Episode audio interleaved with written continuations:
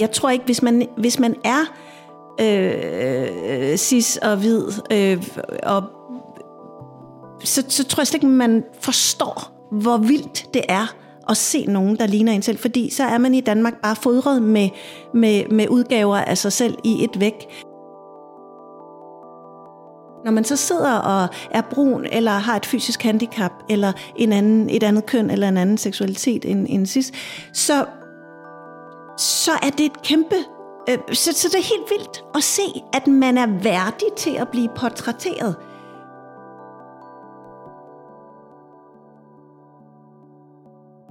Jeg har Christina Olomeko i studiet, som er Alternativets minoritetsordfører, inklusive LGBT, etniske minoriteter og religiøse minoriteter. Og øh, jeg selv er øh, udlændinger og integrationsordfører, familie- og øh, børneordfører og alt muligt andet. Jeg hedder Helene Lillendal Udensholdt. Og så har vi en særlig gæst i øh, studiet, som ikke er fra Alternativet, men som er kommet på besøg herinde på Christiansborg. Og øh, du hedder Laura Allen Møller, og hvis du vil sige lidt mere om dig selv end bare dit navn. Jeg er uddannet skuespiller.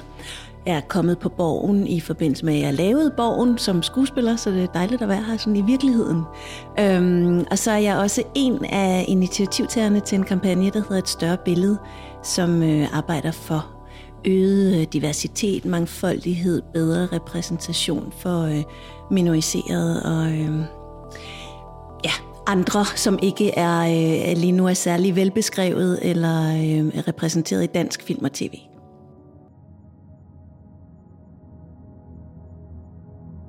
Øh, det er en vigtig kampagne, fordi at det vi viser, vi er, vi er fem skuespillere, der har taget initiativ, så det vil sige, at vi beskæftiger os selvfølgelig primært med fiktion, men alt hvad der bliver vist i, i billedmedier, har en kæmpe, kæmpe indflydelse på, hvordan vores samfund oplever øh, sig selv, og hvordan vi oplever hinanden.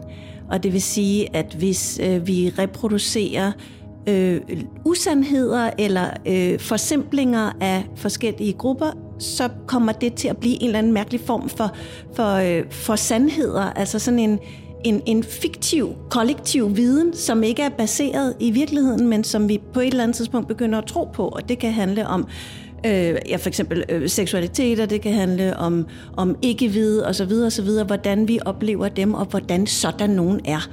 Øhm, og det, der skete helt konkret, det var, at øhm, der kom tre danske film- og tv-produktioner øhm, i slutningen af sidste år. Der var øh, nogle pressebilleder og en filmplakat, og på dem var der i alt 42 medvirkende og en instruktør. De var alle sammen øh, hvide, øh, cis, øh, kropskapable osv. osv. osv. Og det blev for os helt vildt voldsomt faktisk, fordi det blev nærmest demonstrativt i sin manglende mangfoldighed. Så, så vi var en gruppe af racialiserede skuespillere, som talte om, hvad gør vi? Altså, er det, skal vi ignorere det? Skal vi græde? Skal vi le? Skal vi... Og så fik vi den her idé med at reproducere de her øh, tre billeder mm, og recaste dem, så det var et mere... Øh, et, et billede af mennesker, som var mere øh, retvisende i forhold til det samfund, vi lever i, og, øh, og som var øh, meget rigere, synes vi. Øhm, og vi kaldte det et større billede, fordi vi mener, at det er en berigelse og en udvidelse af både kunsten og samfundet, hvis vi begynder at, at inkludere og, øhm, og give værdighed til nogle af de mennesker, som ikke er vant til at få det. Jeg kan godt huske de her øh, tre billeder. En af dem kunne jeg, kunne jeg, øh, kan, jeg, kan jeg bedst huske. Øh, og det er måske fordi, den også ramte mig lidt. Jeg tror, den hed, øh, hed øh, den originale film Mødre og Fædre. Så lavede I, til, så lavede I øh, titlen om til Forældre. Fordi øh, forældre kan jo være meget mere end mødre og fædre. Og jeg lavede nok mærke til den, fordi at, øh, jeg lever i et lesbisk forhold og har to børn øh, med min dejlige kone. Så det, det var jeg sådan Ah, tak for det. Øh, hvad var de to andre film? Ride Exodus, uh, Lars von Triers tv-serie, som foregår på et hospital, som jo er et af de allermest diverse steder i vores land faktisk, hvis man skal kigge på øh, både, at alle kommer der, og, øh, og, og de ansatte er faktisk en ret mangfoldig øh, skare, men det var også kridhvide. Øhm, og så var det øh, en, en kommende tv-serie, der hedder øh, Familier som Vores, som vi kaldte Vores Familie, fordi det synes vi også var lidt mere inkluderende. Og der var også andre, både andre kroppe, andre øhm, familiekonstellationer end de der øh, cis-kernefamilier, som vi, som vi oftest bliver præsenteret for. Jeg synes, det er enormt interessant, at I har taget netop de her tre film, fordi det er jo de tre film, var deres udgangspunkt, tror jeg, fra instruktørerne tænkt som noget, der skulle... Altså det er ligesom, man har klasselokalet og hospitalet, det er ligesom noget, som du også er inde på, noget, hvor alle mennesker har en berøring med det på et tidspunkt i deres liv. Øhm, dermed også egentlig nok de, måske de mest mangfoldige rum i, i vores samfund, men alligevel var det præsenteret på en måde, der netop ikke var, var mangfoldig. Øhm, så det synes jeg bare er et virkelig fedt greb, at de har taget det egentlig sådan, jamen, hey, der er egentlig noget her, vi, vi sådan grundlæggende, det er meningen, det skal være mangfoldigt, men det er det bare overhovedet ikke. Og så blev det det.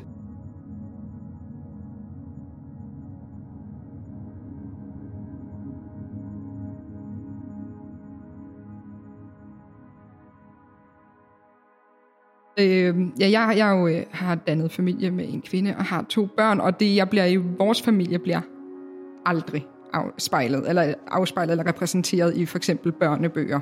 Jeg gør tit det, hvis, øh, hvis øh, moren og faren i en øh, børnebog for eksempel er nogle dyr, så det ikke er så tydeligt, at faren er en mand, så kan jeg finde på, når jeg læser højt for min datter, og sige, øhm, og så sagde mammaen, eller sådan, fordi så, så føler jeg lidt, så får hun også lidt vores familie ind i, øh, i højtlæsningen der inden, inden godnat-tid.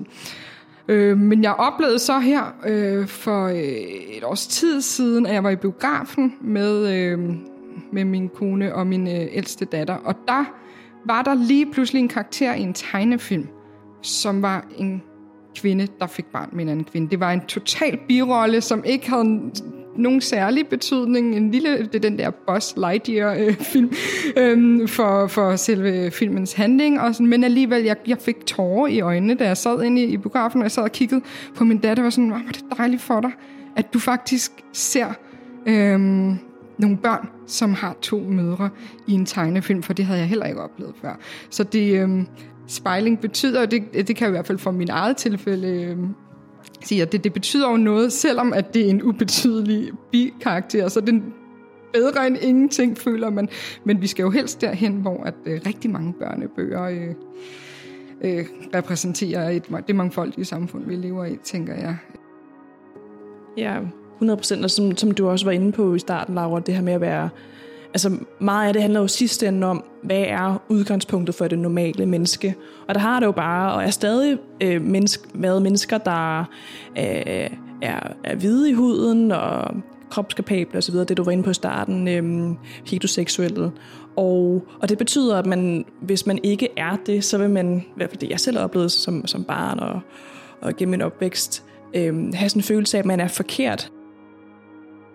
Altså jeg kan huske øh, som barn, at øh, jeg sådan krassede min hudfarve altså i min hud, fordi jeg, så kom der sådan hvide striber, fordi jeg følte, jeg var beskidt.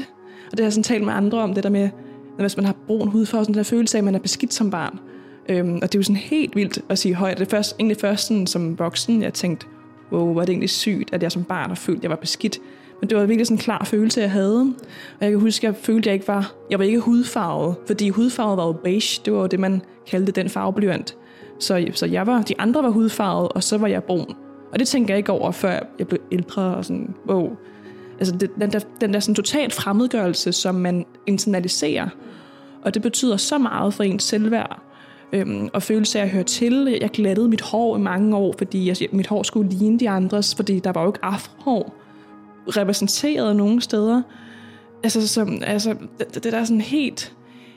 Det, det er så syret egentlig, når jeg kigger tilbage, kan jeg bare se, wow, jeg har så meget manglet at blive spejlet, og i virkeligheden måske også have forbilleder, øhm, som jeg kunne se op til, og hvor jeg kunne tænke, jeg er lige så meget en del af samfundet som alle andre. Jeg kan træde op, og jeg kan sige ting, og måske endda blive politiker. Det er også blevet nu, og jeg håber, at det også sådan gør noget for, at andre tænker, at det kan jeg også blive. Og den der, altså dels, at der ikke er nogen rollemodeller, og den der andetgørelse, altså at at der så altid er en forventning om en eksotisk historie, eller en særlig vinkel, eller en et eller andet. Øh, hvis man er minoriseret, så er man meget sjældent bare et menneske, øh, som kan repræsentere noget menneskeligt. Øh, så, skal, så er man meget tit øh, symbol på noget. Øh, selvfølgelig gerne noget ubehageligt og farligt og truende i forhold til majoriteten, eller også noget eksotisk, eller Øh, men, men meget sjældent et, et menneske, som har facetter og som har udviklingspotentiale. Og det er sådan set uanset om det, vi snakker fiktion, eller om vi snakker medier generelt, eller om vi snakker øh, det her gaze, som vi alle sammen i virkeligheden har i samfundet. Jeg, jeg tænker sådan, vi har jo alle sammen sådan en, et, et indre lydspor, øh, hvor vi, øh, tror jeg nok, jeg har i hvert fald, hvor jeg sådan tænker på verden, og øh, sådan, gud, hvad jeg har beskidt, og hold kæft, hvornår kommer bussen, og blå, blå, blå. Og jeg har nogle gange tænkt, hvor meget af det, altså det spor er jo ikke mig, det er noget, jeg har fået udefra, og det er noget, der er præget af, fuck, der kommer nogen i flok, nå, så holder jeg lige på tasken, bla bla bla bla bla. Jeg, jeg tror, det kunne være rigtig interessant, hvis flere mennesker begyndte at registrere deres indre lydspor, og hvad det er for nogle øh, samtaler, det har øh, med de mennesker, de oplever. Fordi jeg tror, folk vil opleve, at vi alle sammen er præget, ligesom vi er præget patriarkalsk alle sammen. Vi er alle sammen på en eller anden måde opdraget til at være øh, mandsjuvenistiske, uanset hvilket køn vi har. Øhm, så, så er vi også opdraget til at være øh, mistroiske, mistænksomme over for ikke-hvide. Vi er opdraget til, at, at personer med handicap øh, nok er nogle stakler. Øh, de er til besvær, har vi lige hørt. Oven i købet en minister udtale, de er dyre for samfundet, øh, og de bidrager nok ikke med noget godt, osv. osv., osv. Øh, den indre stemme eller kollektive fortælling, tror jeg, vi kan pille ved øh, hvis, vi, øh, hvis vi ændrer øh, de bevidste fortællinger, vi viser blandt andet i film og tv.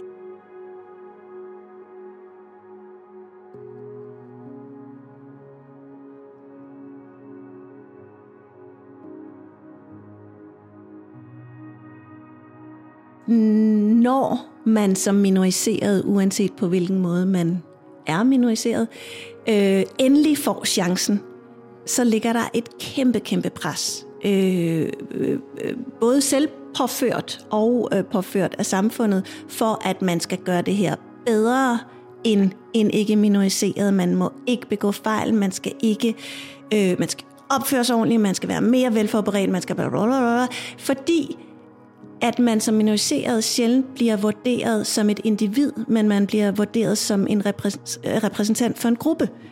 Så det vil sige, hvis jeg kommer ud og er en dårlig skuespiller, og jeg opfører mig dårligt, jeg har ikke forberedt mig ordentligt, jeg et eller andet, så har jeg en oplevelse af, at det her kommer ikke kun til at skade mig selv, det kommer til måske at betyde, at nogen siger, at vi magter ikke, altså de er simpelthen så besværlige, øh, når de kommer, jamen det skal bare være en vid. Øhm, det er minoritetsbyrden, at man ikke bare slæber sin egen vægt, men vægten af en kæmpe gruppe mennesker, som man øh, både øh, tager på sig og repræsenterer, men også bliver pålagt at repræsentere. Ej, det er så rigtigt. Det kan jeg virkelig godt genkende. Det, ja, det er et super godt ord. Jeg, jeg snakkede med, mm, jeg var gerne ind til sådan en oplæg fra en psykolog, som jeg tror, hun, jeg tror måske, det var det samme begreb, hun kaldte minoritetsstress. Men altså, det kan jeg bare så godt genkende. Øhm, og jeg kan også huske sådan, altså som mørk person, jeg også, jeg, altså, jeg før har, har tænkt meget over, sådan, hvordan jeg var, når jeg skulle snakke, hvis jeg skulle til lægen.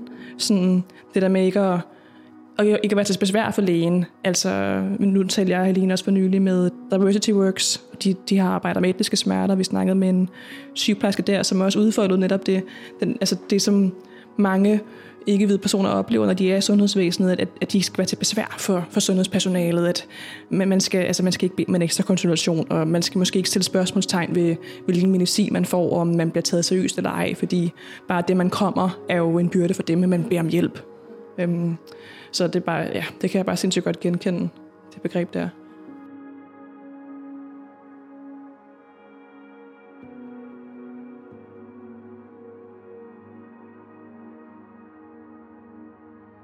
Du, at hvis der kommer mere repræsentation i øh, film og tv, at det kan have en øh, afsmittende effekt på, øh, på resten af samfundet?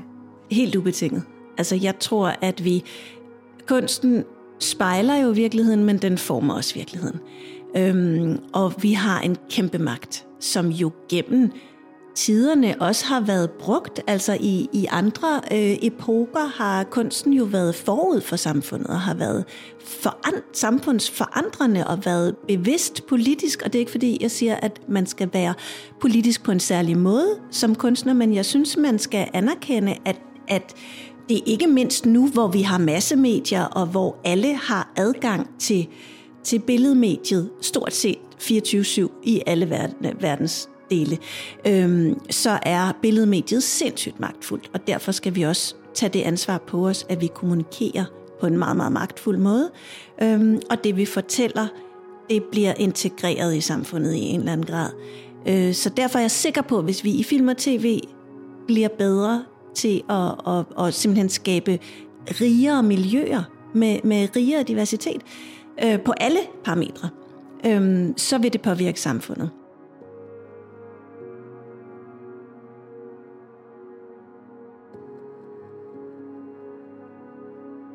Mm, helt klart.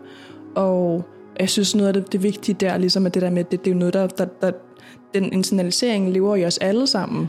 Og, og det tror jeg er så vigtigt, at, øhm, at, at sådan få frem, fordi der er nogen, der godt kan have en tendens til at misforstå øh, kampagner, som øh, et større billede, eller, eller bogen her, Dinosaurerne i rummet, fordi der er måske nogen, der kan jeg tror, nogen kan tendens til at misforstå det som, nu er det minoriteterne imod majoritetsbefolkningen, og i virkeligheden er det her noget, som der trives i os alle sammen, og som vi skal alle sammen skal være opmærksom på, og netop med det formål, at vi bliver rigere, når vi, ser, når vi ser mangfoldigheden repræsenteret i vores verden omkring os. Vi får det bedre med os selv, vi får det bedre med vores medmennesker, og møder dem på en helt anden, meget mere åben måde.